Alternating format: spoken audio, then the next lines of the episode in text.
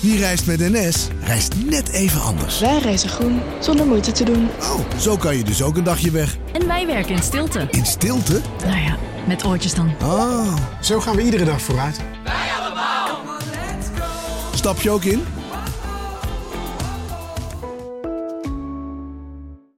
Een maatschappij waarin iedereen meedoet. Een gezonde, groene en rechtvaardige wereld. Daar willen jij en heel veel andere mensen best iets aan bijdragen. In het klein en in het groot. Dicht bij huis en ver weg. Zo hebben we vorig jaar 349 miljoen euro bij elkaar gebracht. Miljoenen waarmee onze goede doelenpartners de wereld elke dag een beetje beter kunnen maken. Nationale Postcode Loterij. Samen voor een betere wereld.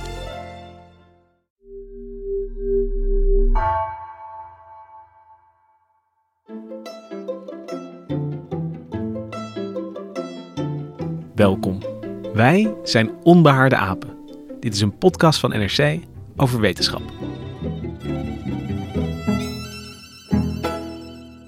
Kijk als je op het strand staat naar het westen en je ziet water, de Noordzee. Maar onder dat water ligt een land verscholen waarvan we het bestaan tot begin vorige eeuw nog niet eens kenden. Een land waar zo'n 10.000 jaar geleden nog mensen en dieren leefden. Wat is er gebeurd met dit land, met Doggerland?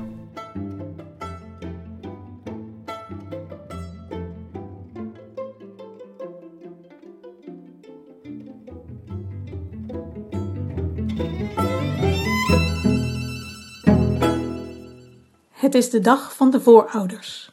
De dag waarop de zomer eindigt. En ik ben gekozen. Net als Romar en Alia, die ik nu niet kan zien, maar van wie ik weet dat ze precies hetzelfde doen als ik. We jagen. Tussen de bomen, op de natte graslanden of in het moeras, met maar één pijl op onze boog. Een pijl met een punt van bot. Bot dat ooit van onze voorouders was. De mijne is van mijn opa. Waar ik nu loop, liep zijn opa ook. En de opa van zijn opa ook.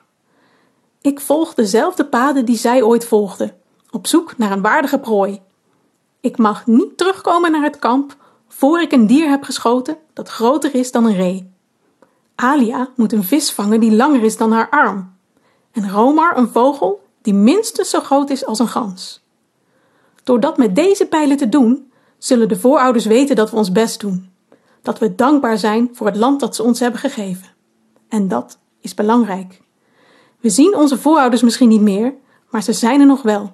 Overal om ons heen. Als ze niet tevreden zijn, kunnen ze het ons moeilijk maken. Maar jij niet toch, opa? denk ik heel hard tegen de gladgeschuurde pijlpunt. Jij gaat mij helpen, toch?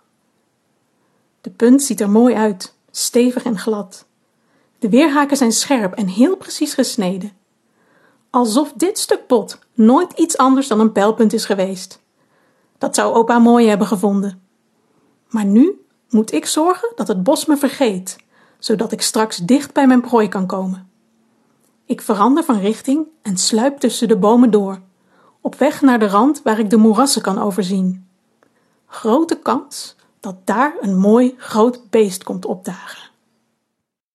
Ik zit hier in de studio met Gemma Venhuizen en Hendrik Spiering om het verdronken Doggerland ja, weer een beetje boven water te krijgen. En we hoorden hier het verhaal van Inan, Hendrik. Waar komt dat vandaan? Ja, en dat is de manier waarop uh, Linda Dielemans, een bekende kinderboekenschrijfster, in feite Doggerland boven water heeft gehaald. En ze heeft een boek geschreven dat heet Onder de Golven. Dus we zitten heel erg in dat water natuurlijk. Onder de Golven, het verhaal van Doggerland. En dat is een uh, deel vertelling, uh, non-fictie, van hoe, hoe, zat het allemaal met dat land onder de Noordzee. Maar ook een aantal verhalen over mensen die daar leefden in verschillende periodes. En dit is dan een periode van 10.000 jaar geleden ongeveer. Als dat land een, een, soort moerasland is, nou ja, het verhaal vertelt het al een beetje. En het hoort bij een tentoonstelling, dat boek van Linda Dielemans. Uh, in het RMO, het Rijksmuseum voor Oudheden. Dat komt, het zou eigenlijk binnenkort open gaan, maar door COVID zal het nog wel even duren. Maar de tentoonstelling, even goed kijken hoe die heet. Doggerland heet die, heel apart. ja, en die hebben weer een andere hoek gekozen van de, de, de mythologie. Verdwenen wereld in de Noordzee. Doggerland, Gemma. Dat klinkt als een land waar je gewoon nog naartoe kan gaan. Alsof het iets is waar je naartoe kan reizen. Wanneer hoorde jij voor het eerst over dat Doggerland, dat land dat er dus niet meer is? De eerste keer dat ik er echt heel bewust mee bezig was, uh, was pas een jaar of tien geleden. Was ik een boekje over de ijstijden en de sporen daarvan in Nederland aan het schrijven. En ging ik ook allemaal kaarten bekijken hè, over de, de, de ijsuitbreiding uh, destijds en hoe Nederland er, toen het nog niet echt Nederland was, eruit zag.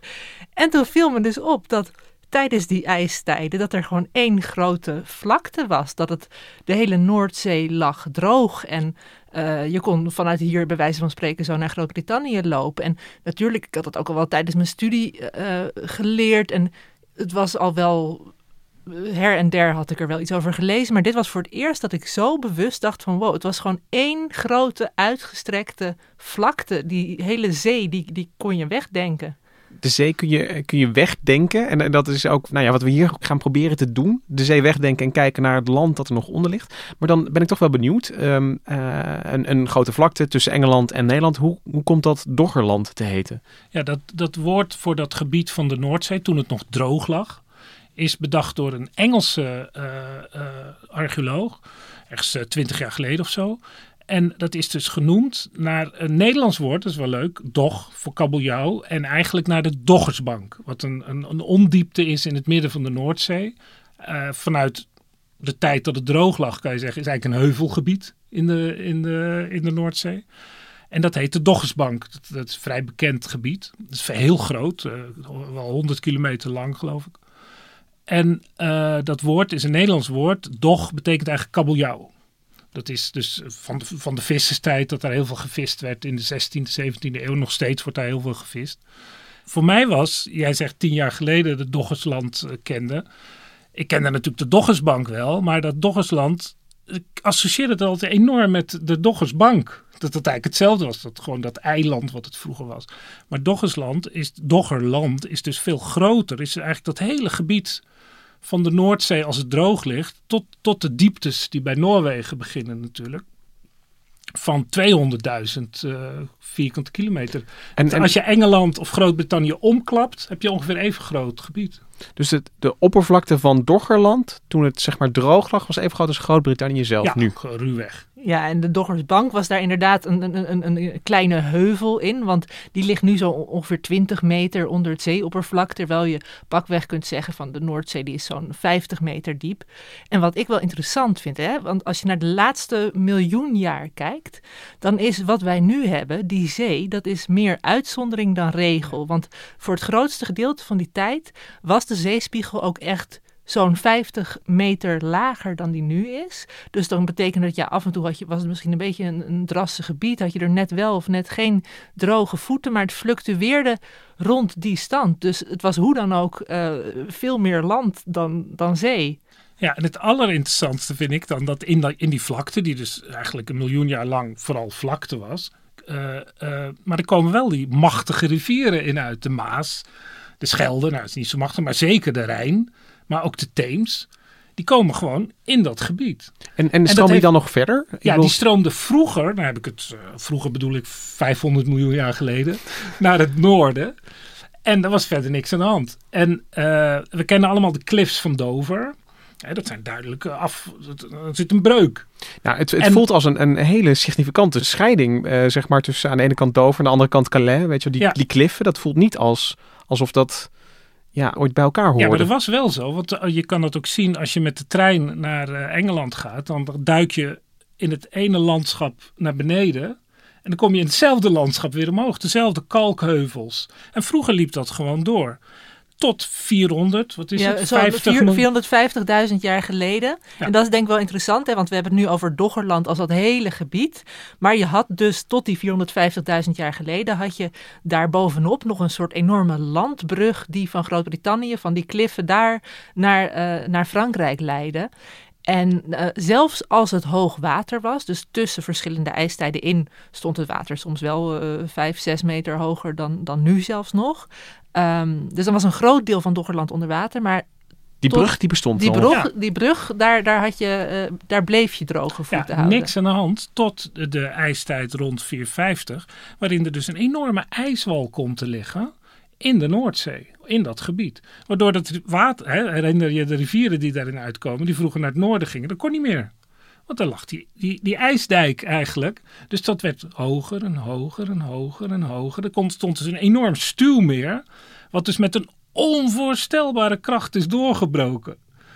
En dat heeft dus die, die, die cliffs doorbroken. En sindsdien is er dus een verbinding tussen het kanaal en de Noordzee. Er is geloof ik 150.000 jaar of 200.000 jaar is dat nog een keer gebeurd. En het is zelfs, hè, toen, toen, toen was er allemaal sediment, dat was niet zo sterk als die oude heuvels.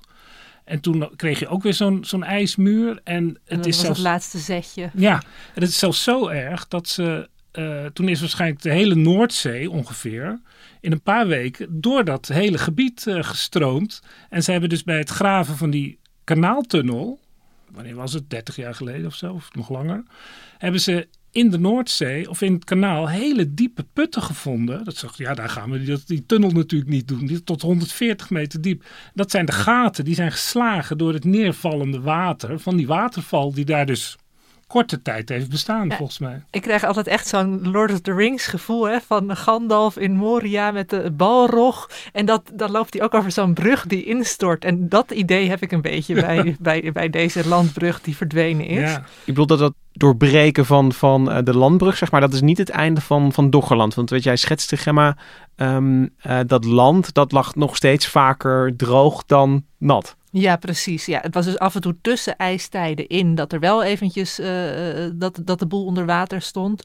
Maar tegelijkertijd, tijdens die ijstijden zeker, was het alsnog die uitgestrekte vlakte waar ook gewoon eh, dieren en mensen Ja. leefden. Ja, en het was natuurlijk in, tijdens een ijstijd was er eigenlijk niet zoveel te beleven. Ik, het is gewoon een, een, een steppenvlakte waar dan eh, eh, Nou, nu en dan kuddes kwamen. Ja, voor maar, de wolharige mammoet en de wolharige Ja, neushoorn was er volop te beleven. ja, maar ook als het echt, te- zeg maar in het hoogtepunt van de ijstijd 20.000 jaar geleden kwam er eigenlijk niemand. Want er is uit later tijd, of het eerder tijd, eh, is, er- zijn er nog Neandertalers gevonden ook. Eh dat is dus ook de oudste Neandertaler, of de enige Neandertalerbot wat ooit op Nederlands grondgebied, nou ja, ergens in de Noordzee Maritiem, eh, Is dat- eh, juridisch gezien bedoel je? Ja, is dat opgevist en in een schelpenbranderij in Ierseke dachten ze, hé, hey, dat is geen schelp. En toen bleek dat een, eh, na veel onderzoek een, een stuk van een, het voorhoofd van een Neandertaler te zijn. Die onmiddellijk de Zeeuwse naam Krijn heeft gekregen. Dat is 40.000 jaar oud of zo, iets ouder geloof ik.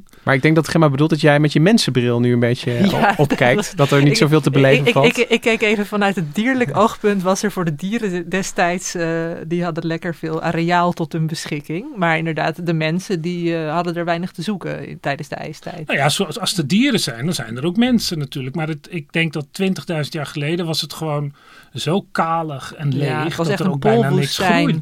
Zeker, dat ja. is het woord. Dus nog, nog Ja, erger het was dan echt een een gure, winderige vlakte. Dus we hebben die polwoestijn daar lopen. Ehm, ik stel me wat struiken voor.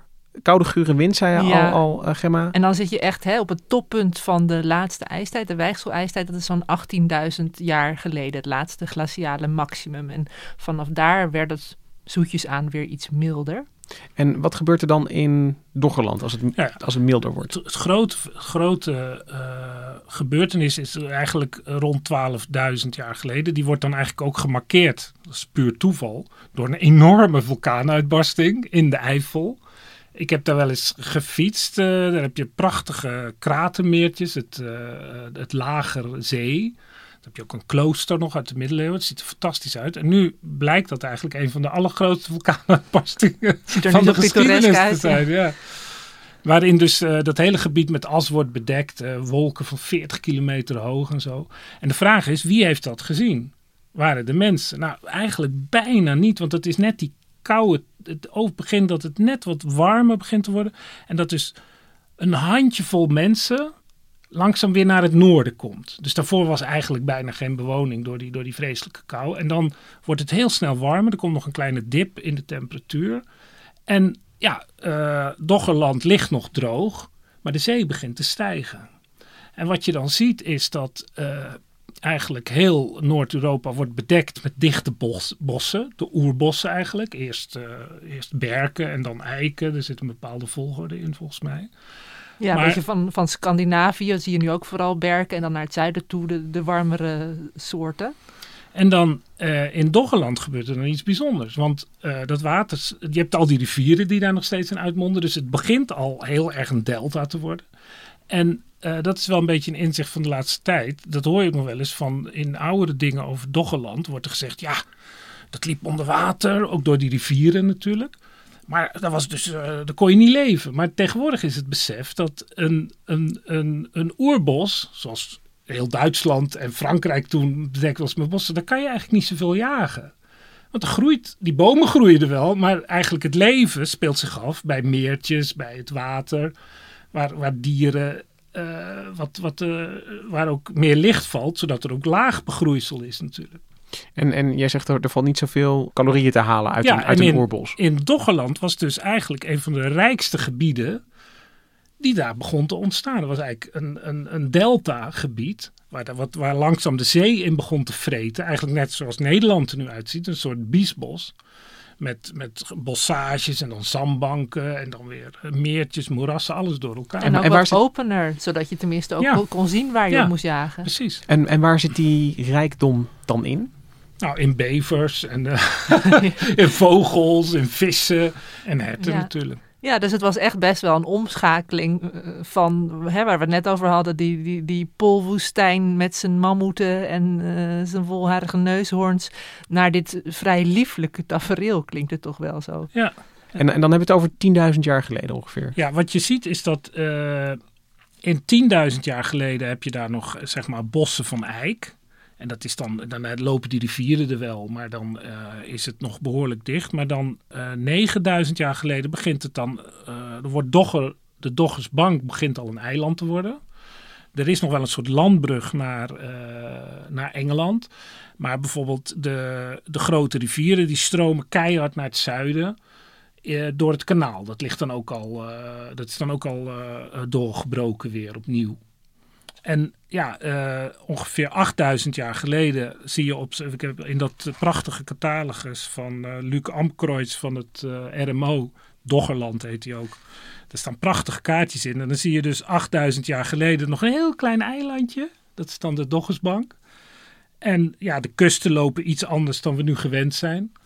Maar dan is het eigenlijk voorbij. Ja, want dat dus het is duurt 2.000, 3.000 jaar, 4.000 als je ruim neemt. Al dat ijs begon te smelten aan het einde van de laatste ijstijd. Dus het ging tientallen meters in die paar duizend jaar steeg het water al. Tot wat Hendrik zegt, alleen dat, dat Dogger-eiland, die Doggerbank nog over was. En dan de tragiek van Doggerland is dan zeg maar dat het opwarmen van het klimaat aan de ene kant eh, zorgt voor, eh, voor veel rijkdom Ja. in het gebied. Het wordt, wordt leefbaar. Kleine zoogdieren, zei al, al Ja. Hendrik, vogels, eh, vissen. Dus eigenlijk top eh, Ja, gebied als, Als je... je, je, moet, je moet nu en dan een natte Je had nu en dan een nathert, zoals we vroeger zeiden, een natte voet. Maar verder eh, is het. er zijn natuurlijk altijd eh, zandheuvels en zo. Je kunt echt droog leven dan natuurlijk. En, maar je moet wel iedere keer een eindje terug. dat, is, dat is dan ook weer de consequentie van het opwarmen, is dat het eigenlijk waar het ligt eh, eh, gedoemd is om, om Ja. onder te lopen op de lange duur. Ja, dat is, daar, is, daar helpt geen moedertje lief aan. Nee, net zoals, weet ik veel, mensen die dan... eh, Hè, bij, bij een vulkaan in de buurt heb je ook vruchtbare grond. Maar ja, eens in de zoveel tijd kun je wel de pech hebben dat er een vulkaanuitbarsting plaatsvindt. Maar hier is het dan ook wel belangrijk om, want we gaan nu natuurlijk met stappen van, van duizend jaar bijna door de geschiedenis van Doggerland heen. Maar als je het gewoon even in een, in een mensenleven beschouwt, dan, eh, dan gebeurt er misschien wel van alles in Ja, dat ja. landschap. Maar het is ook heel stabiel. Ik bedoel, Ja. je kunt, je, kunt eh, je leven lang jagen, vissen in dit gebied zonder, eh, zonder je zorgen te maken. Ja, ik sprak ook eh Luc Amkreutz van het RMO, die eh, dus eh, die prachtige catalogus ook mede gemaakt heeft. En die, die zei echt van ja, je moet je voorstellen dat het veranderde zo snel. Want in, in 100 jaar kon het soms twee meter stijgen. Waar vroeger je opa jaagde op, op herten, dan kon je nu met je kano gaan vissen.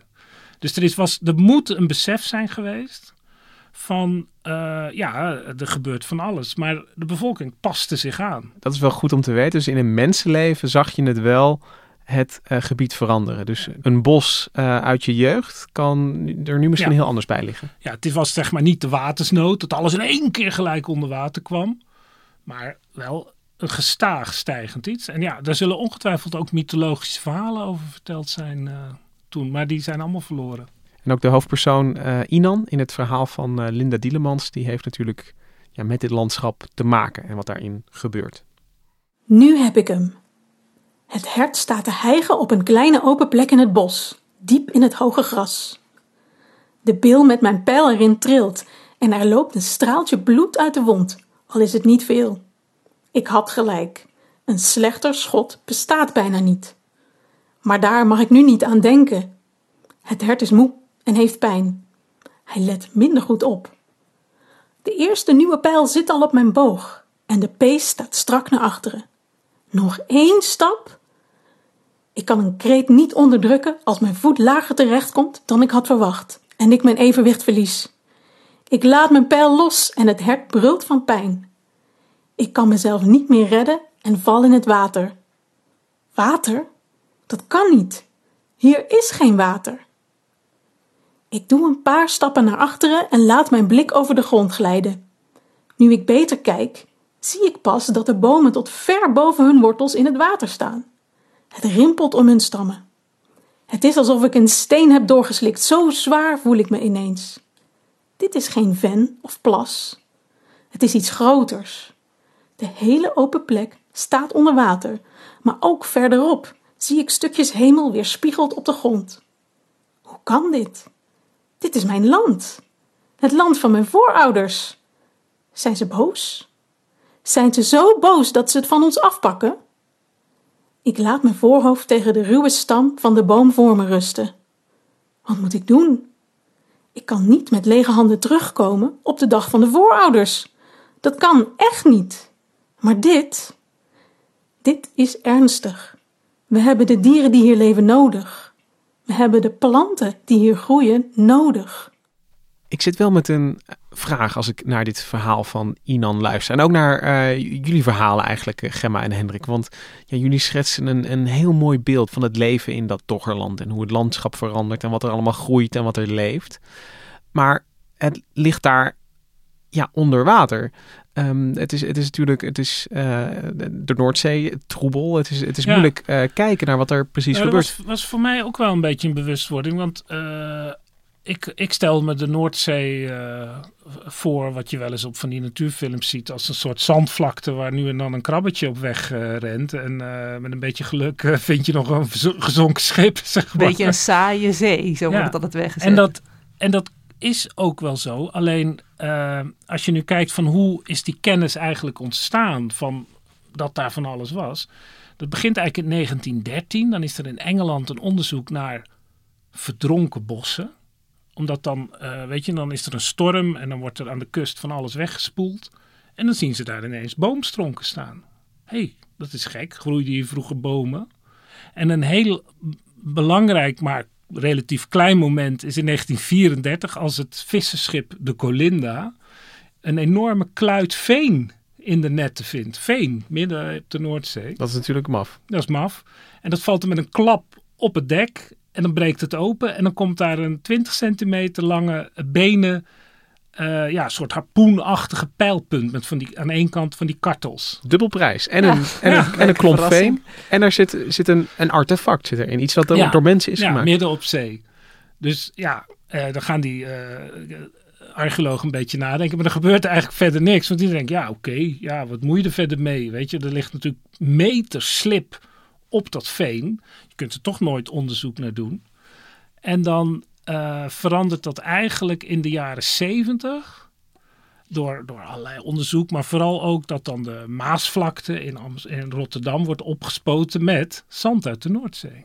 Dus dan vinden ze ook weer, ik zeg, hey, zitten allemaal... Uh, Wat wordt er dan gevonden? Wat voor voorwerpen komen dan uh, naar boven? Honderden benen en gewei, hoe zeg je dat? Geweien pijlpunten. Of gewei, ja, ja. Van gewei. Het is eigenlijk ook been natuurlijk. En ja, dan. En dat zijn dingen die vind je op land vind je die bijna nooit. Omdat dat blijft eigenlijk alleen maar goed als het in het water ligt. En dan komt ineens toch wel het besef van ja, wacht eens even. Dat is natuurlijk toen in het veen gezakt. Toen, toen daar nog mensen woonden. Dat, dus dan blijft het al heel erg goed, want dan is het nat. En dan komt er nog een mooie deklaag overheen. Dat is puur gaaf. En als dat dus allemaal opgespoten, opgezogen wordt door van die grote baggermachines en op het, op het strand gegooid, dan, of op het, de Maasvlakte wordt daarmee opgespoten, dan eh, Dan heb je een enorme Ja. eh, vindplaats. Alleen, dat is natuurlijk wel een beetje een probleem. Want ja, waar komt dat vandaan? Het- je je hebt een beetje het probleem dat je natuurlijk, je hebt zand eh, verplaatst, sediment verplaatst en daar zitten wel mooie dingen in, maar je gooit het eigenlijk ook weer op een, op een nieuwe hoop. Ja, en dan komen er eigenlijk zo rond het jaar 2000 een aantal aspecten bij elkaar. Er is wel het besef van ja, oké, er moet wat zitten, maar ja, hoe kom je erachter? En dan zijn er van Rijkswaterstaat, die gaan dan de Tweede Maasvlakte maken. Er komt eh, het opspuiten van het zand voor de kustverdediging, de zandmotor. En op de stranden komt van. En dat wordt heel precies bekeken waar dat vandaan komt. Want ze zijn inmiddels ook wel slim. En die bijvoorbeeld die, die, die, die opspuitingen, dan wordt er gewoon een, een buis in de Noordzee gelegd.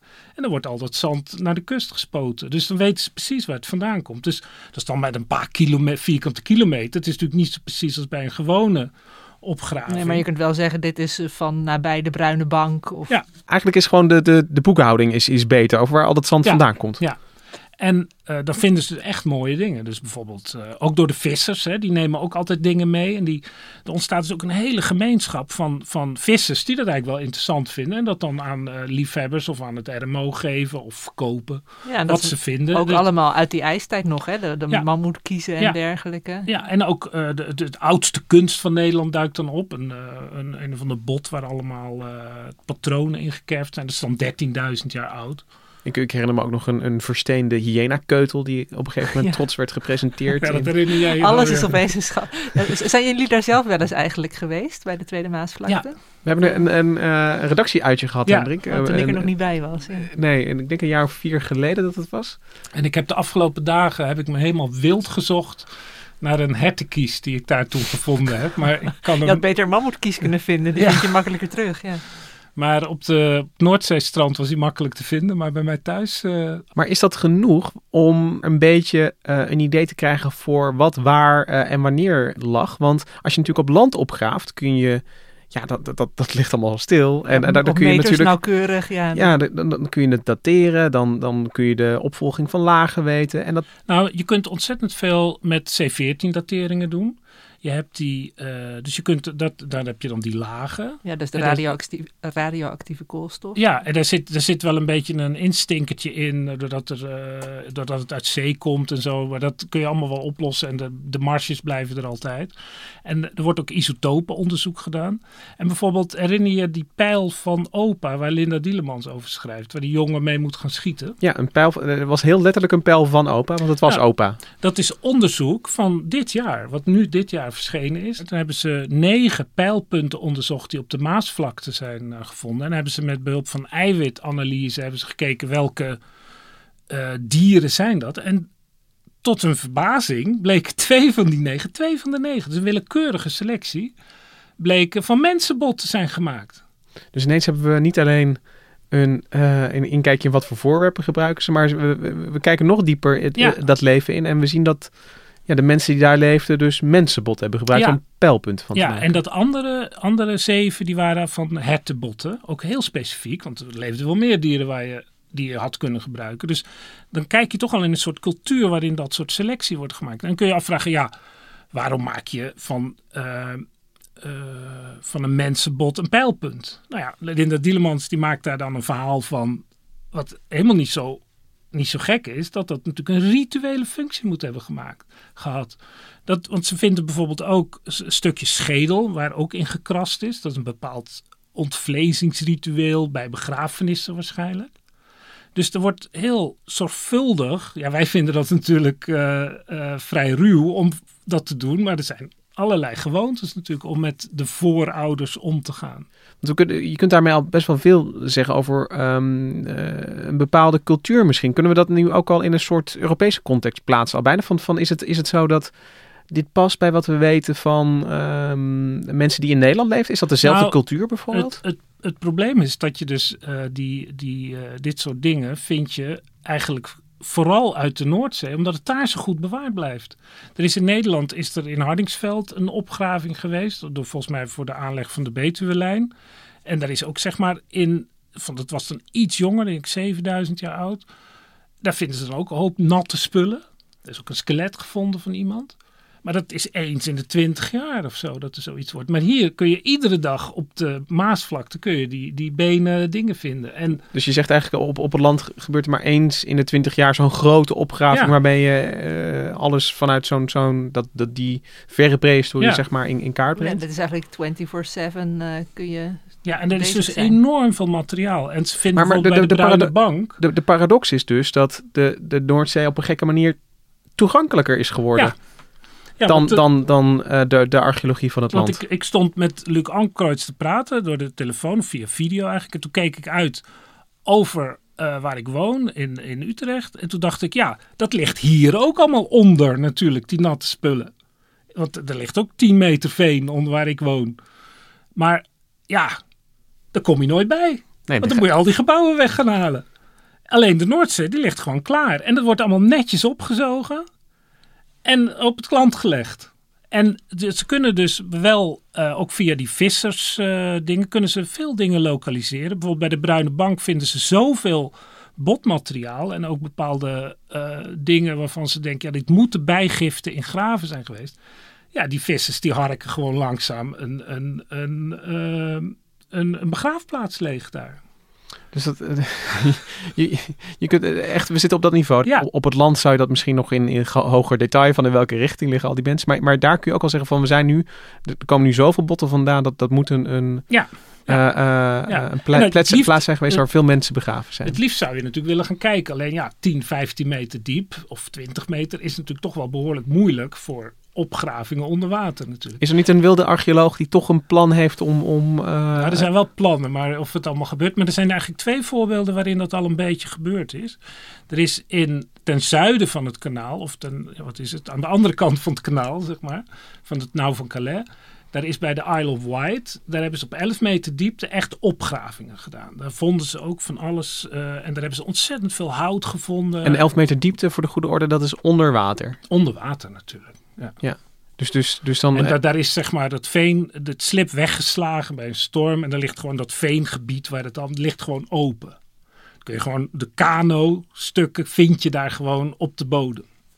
En er is ook een, een eh, in dat wetenschappelijk artikel wordt ook, dan zie je ook de liefde van die archeologen die dat doen. Er wordt ook beschreven hoe dan een krabbetje een vuurstenen eh, pijlpunt eh, uit zijn holletje probeert te gooien. Zo, zo rijk is dan dat vondstgebied natuurlijk. En bij de Yangtze-haven hebben ze, eh, dat is ook ongeveer tien, eh, jaar geleden, of in 2011 is dat, ja, tien jaar geleden, hebben ze dus een speciaal, de, die werd daar eh, uitgegraven en hebben ze speciaal onderzoek gedaan. Hebben ze ook heel lokaal met een speciale grijper dingen naar boven gehaald en ook allerlei eh, boringen gedaan om dat helemaal in, in, in kaart te brengen. En daar hebben ze dus ook ontzettend veel gevonden en kunnen reconstrueren dat daar dus ook een soort biesbos was. In feite zoals Linda Dielemans dat in haar verhaal beschrijft. Een beetje moeras, een beetje dit, een beetje dat, alles door elkaar. en ehm, dan ben En de ik... Yangtze-haven is niet in China, maar in Rotterdam. Ik wou net vragen, volgens mij... eh, is- volgens mij is hij wat dichterbij. Ja, dus we hebben in, inmiddels best wel goed in de smiezen wie daar allemaal leefde. Ehm, maar jij, gaf, jij schetste net ook al een beetje hoe dat over die duizenden jaren dat, dat zeewater zeg maar, steeds, steeds hoger Ja, kwam. dat het echt, eh, dat Doggerland een verdrinkend land was, hè? Hoe komen we daar dan achter? Want dat vind je niet terug ehm, aan, aan de vondst van een bepaald spulletje dat is overgebleven. Dat, dat moet je op een andere manier afleiden, lijkt me. Kijk, je kunt tegenwoordig hè, met behulp van satellietbeelden eh, kun je heel erg goed zien hoe de bodem van, van de Noordzee er, eruit ziet. Maar er is ook heel veel bekend al uit ijstijdonderzoek eh, hoe groot de ijsmassa's waren. Want in Scandinavië bijvoorbeeld werd het land ingedrukt door een, een, een kilometers dik ijspakket. En op basis daarvan kun je ook omrekenen hoeveel water er, ehm, of hoeveel smeltwater er in zee terecht kwam. En hoe de, hoe de zeespiegelstijging in zijn werk ging. Dus het is een soort puzzel die je legt met eh, hoe hoog ligt de bodem en, en eh, hoe hoog stond En de zee. hoeveel water was er beschikbaar? En er was ook nog bijvoorbeeld in Noord-Amerika was er een enorm smeltwatermeer. Dat werd afgeblokt, toen zeg je dat afgedamd door een enorme ijsdam. En toen die doorbrak en al dat smeltwater nog als een extra zoetwaterpuls in zee kwam, steeg eh, globaal gezien ook de zee weer extra snel. Ja, want het is het bijna een hobbyisme van, van Holocene-geologen om die pulsen ook. Want het gaat ook niet helemaal. Weet je, dat, dat eindeloos wordt helemaal uitgevogeld hoe snel dat allemaal steeg. Het is echt leuk onderzoek, vind ik ook. En is er dan een, eh, ook een heel precies eh moment, want ik, ik ben toch een beetje op zoek naar een, een moment dat ja, dat rijke Doggerland verdrinkt. En ik, Ja, ik, ik, heb al goed naar jullie geluisterd en ik weet al dat dat, dat, het, dat het allemaal, eh, dat, dat- dat was een Dat proces. Het eiland overbleef. Ja, Ja. dat, Maar, maar is er een moment aan te wijzen waarvan je zegt van ja, nu is het geen Doggerland meer, maar eh, is het, is het de Noordzee? Ja, en dat is het grote drama waar ik op zat te wachten om te vertellen. Hè? Want eh, Hendrik die zei net al even, ja, het wa- het was geen watersnoodramp. en Het ging allemaal vrij geleidelijk. Ehm, maar zoals we eigenlijk in Linda's verhaal ook al een beetje hoorden, toen Inan opeens daar water zag, dacht ik van hé, hey, dat, dat, dat is wel plotseling dat, er, dat, dat, dat het water sterk gaat eh, stijgen. Zou dat soms een verwijzing zijn naar de tsunami? Want onder geologen wordt volop gespeculeerd dat het wel eens een eh, tsunami kan zijn geweest die het laatste zetje aan Doggerland gaf. Die er echt voor zorgde dat ook dat, dat, dat, dat laatste stukje eigenlijk door de golven werd verzwolgen.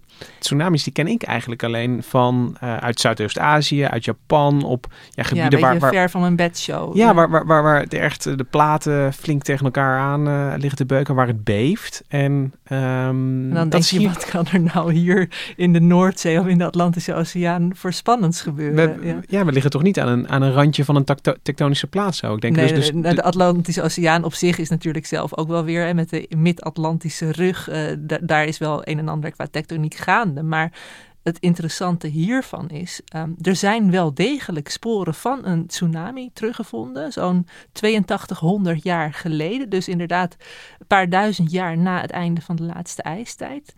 En ehm, dat is de, de, die wordt ook wel de Stoer-Egga-tsunami genoemd naar de landverschuiving die hem heeft veroorzaakt. De Stoer-Egga-verschuiving. Stoer-Egga betekent in het Noors iets van grote rand, eh, zou je kunnen zeggen.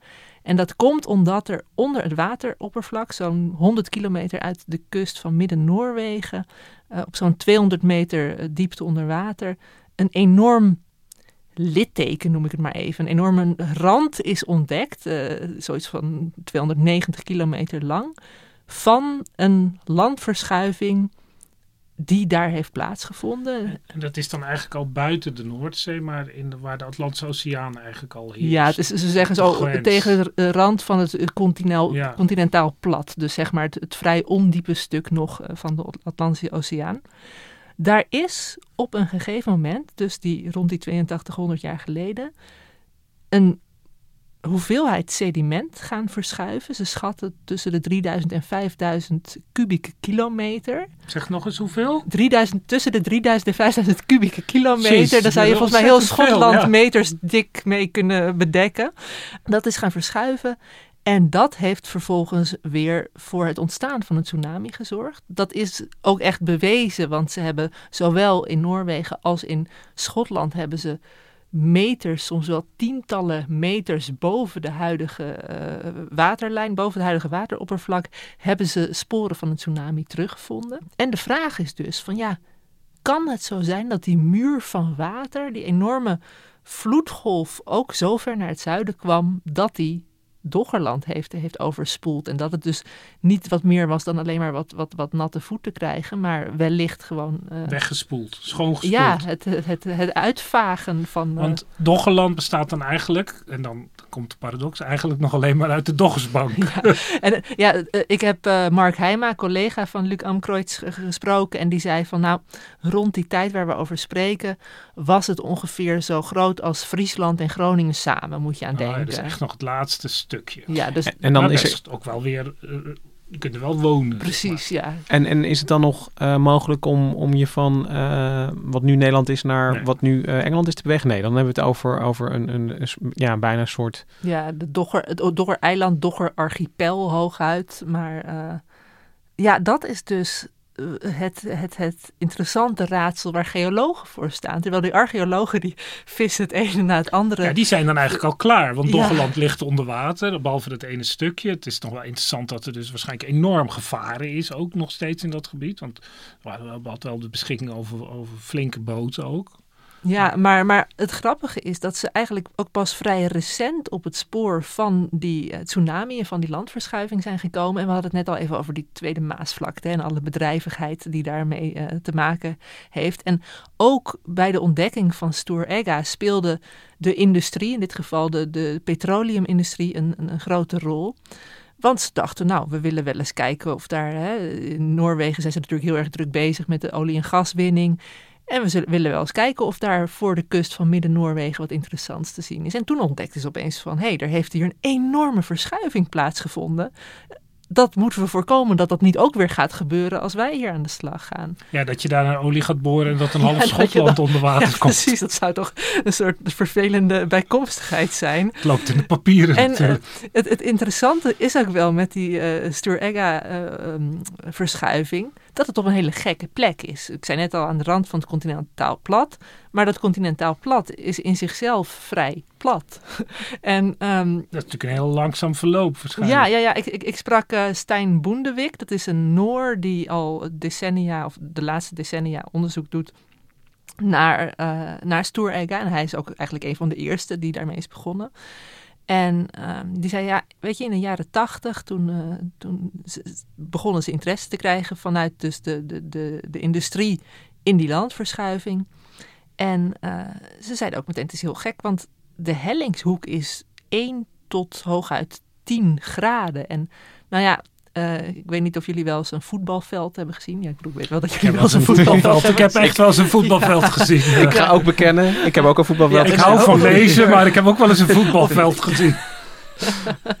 de openbaring van onbehaarde haven van deze week.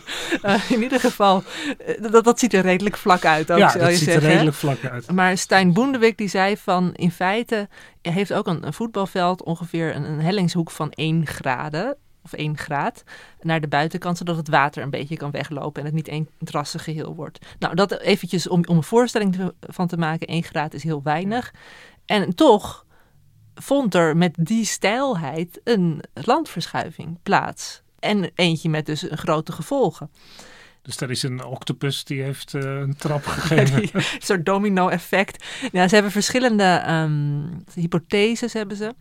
En één daarvan is dat er een eh, methaanhydraat, we hebben het in de vorige aflevering wel eens over permafrost eh, gehad en van die, van die gashydraten die je eigenlijk hebt, eh, dat die kunnen ontploffen. Dat, Ja, dat, zijn dus zeg maar die door het waterdruk in een soort vloeistof zitten. Ja, precies. Ja, en als dat gas dan tot ja. ontploffing komt, dan kan dat natuurlijk wel iets van een landverschuiving triggeren.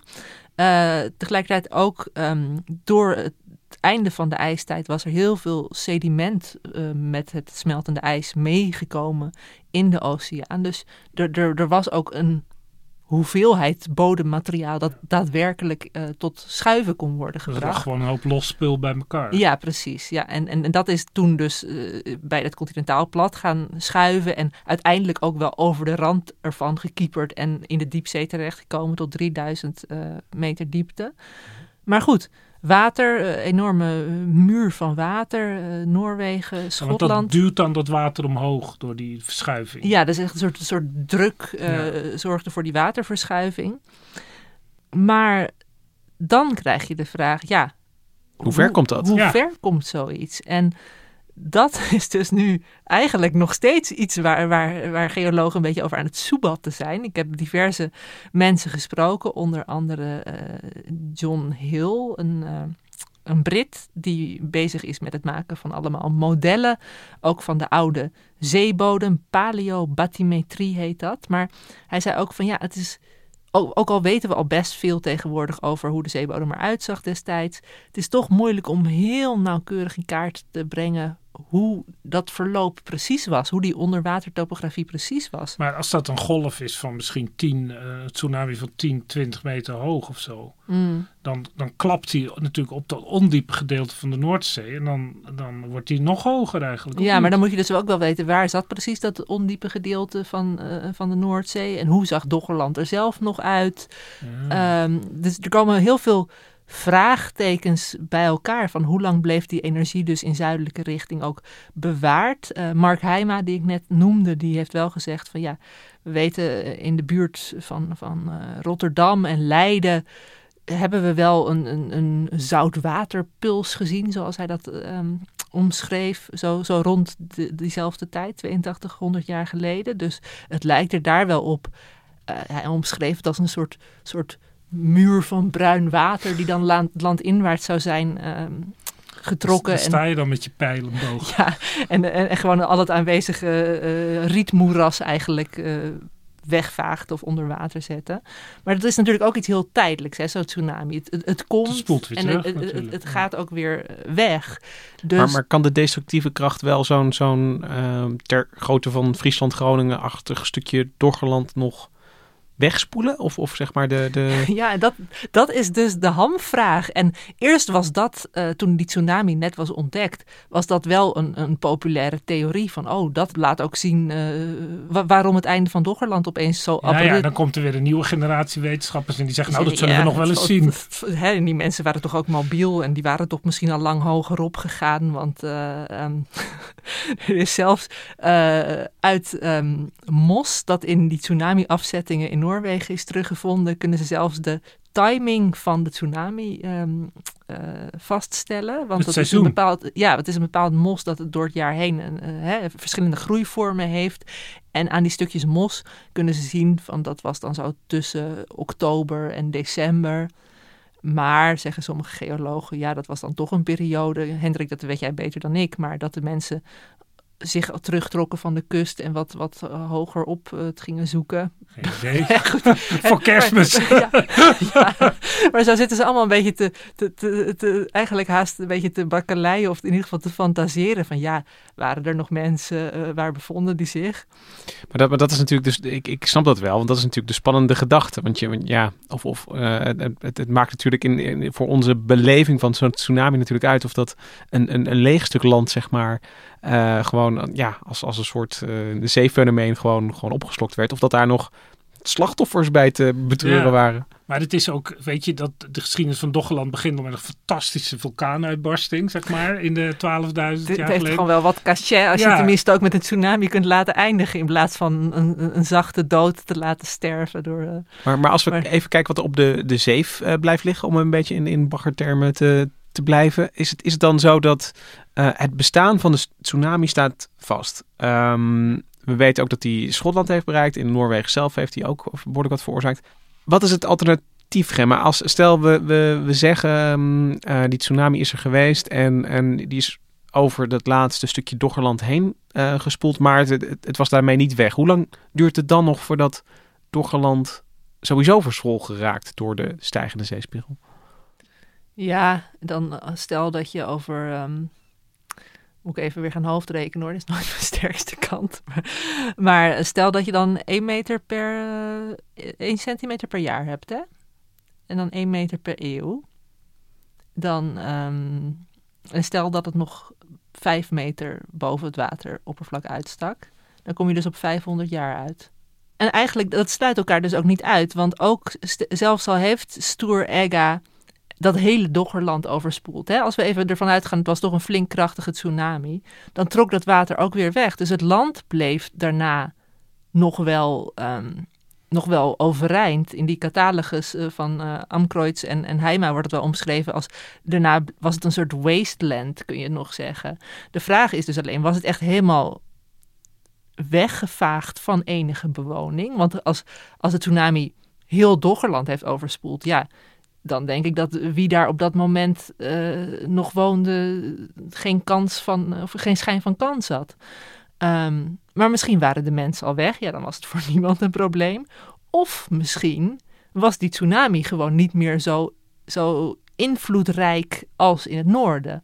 Dus het zijn drie, drie kansen. En in, in, in twee scenario's ehm, hebben de mensen er geen last van gehad. Ofwel omdat ze er toch al niet meer waren. Ofwel omdat de tsunami niet zo, zo heftig was. Maar in het derde scenario was het wel einde verhaal voor de mensen die er nog woonden. Voor de Doggerlanders, zoals Ja, we precies. ze maar Ja. even zullen noemen. Wij volgen natuurlijk ook een Doggerlander, Inan. En eh, ja, die krijgt ook te maken met dat stijgende zeewater. De stemmen klinken steeds luider, totdat één stem alle anderen laat verstommen. Genoeg! De mensen gaan opzij om Akor door te laten. Hij is oud, zo oud dat hij niet meer zonder stok kan lopen. Zijn grijze lange haren zijn gevlochten en versierd met kralen en gedroogde bloemen. Van onder zware, hangende oogleden kijken zijn lichte ogen me aan. Waar is je prooi, Inan? vraagt hij. Ik haal diep adem en begin te vertellen. Als ik klaar ben, is het alsof de tijd heeft stilgestaan. Iedereen staat nog precies zoals ze stonden toen ik begon. Het is oorverdovend stil. Het water komt, mompelt Akor. Eindelijk komt het water dan toch ook hier. Het was voorspeld. Het was voorspeld. Misschien ben ik wel de enige die hem kan horen.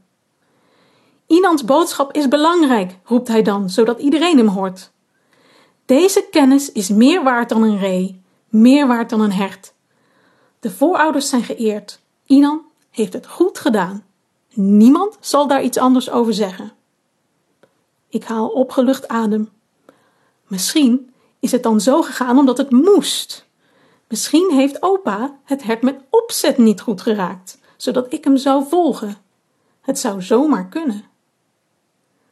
De volgende ochtend neem ik iedereen mee naar de plek waar ik het water vond. Akor knielt en schept wat water in zijn hand. Hij neemt een klein slokje en laat de rest uit zijn hand stromen.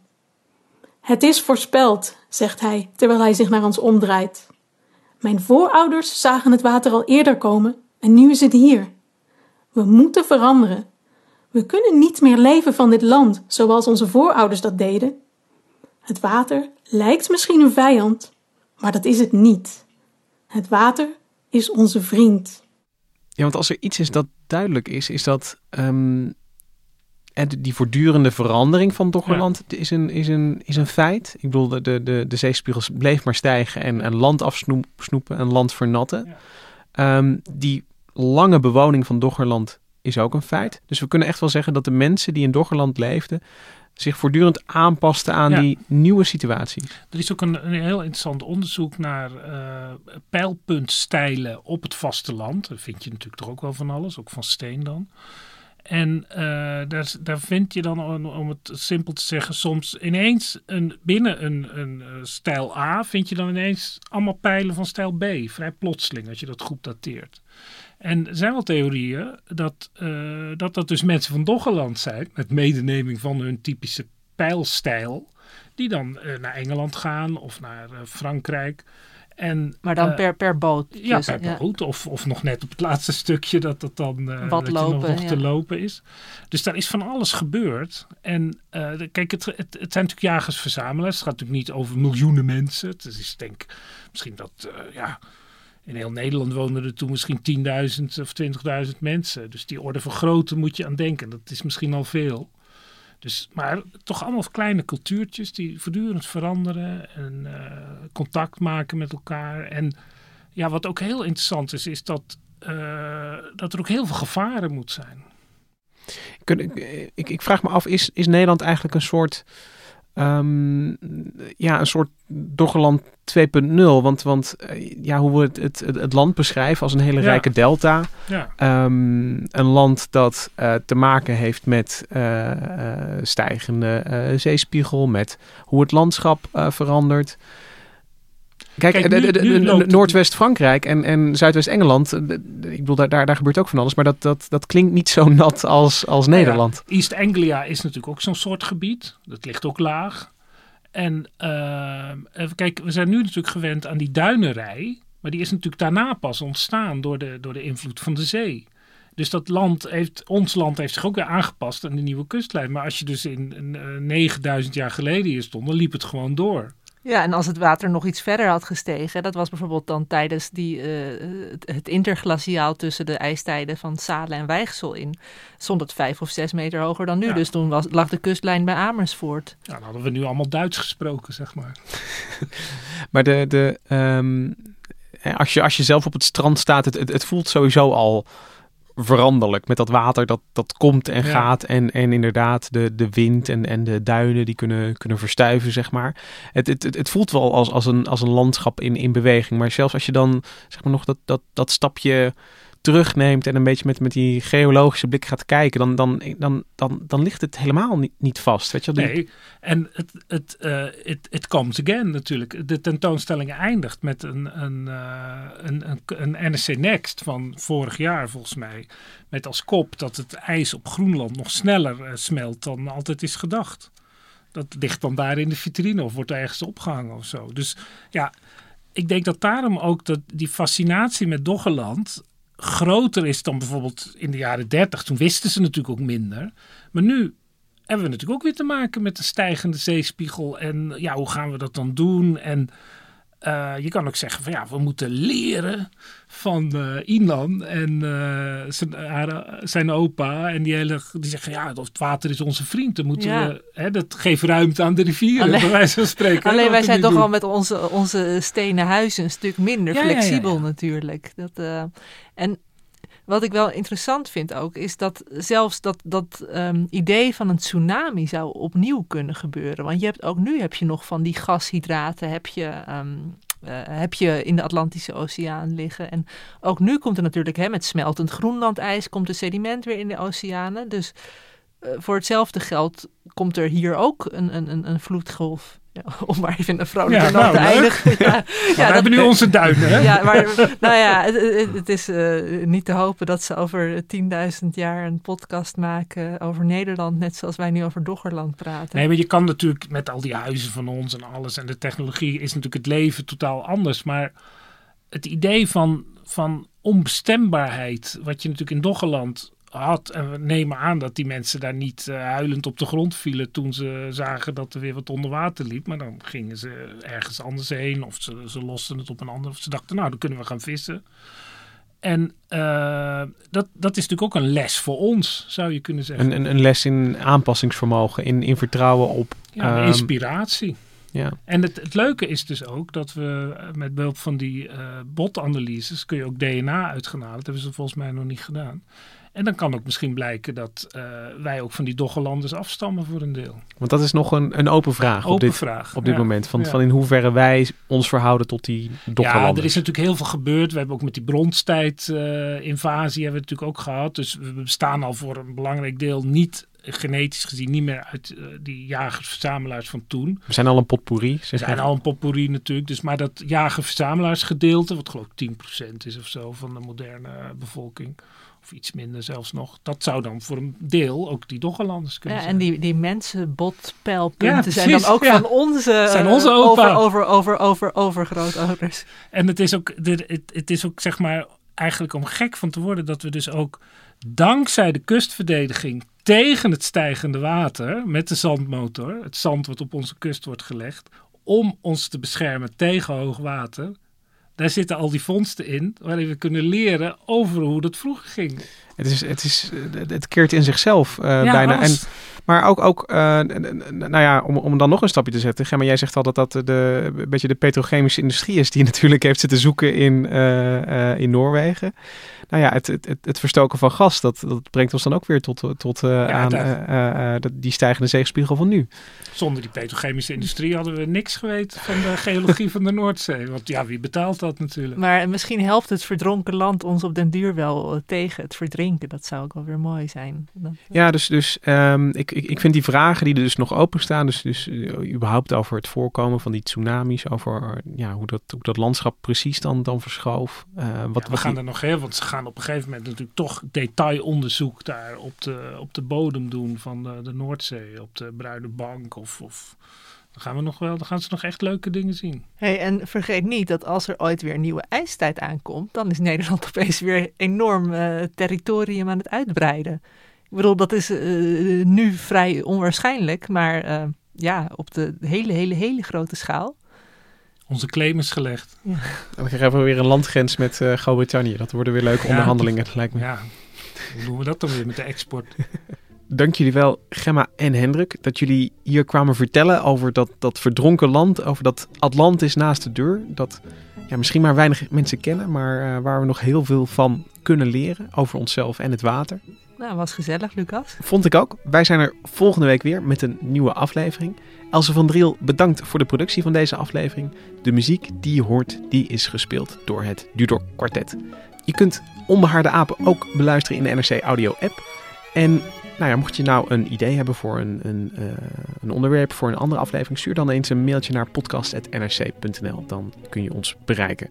En ook op Twitter zijn we te volgen via NRC Wetenschap. Tot volgende week.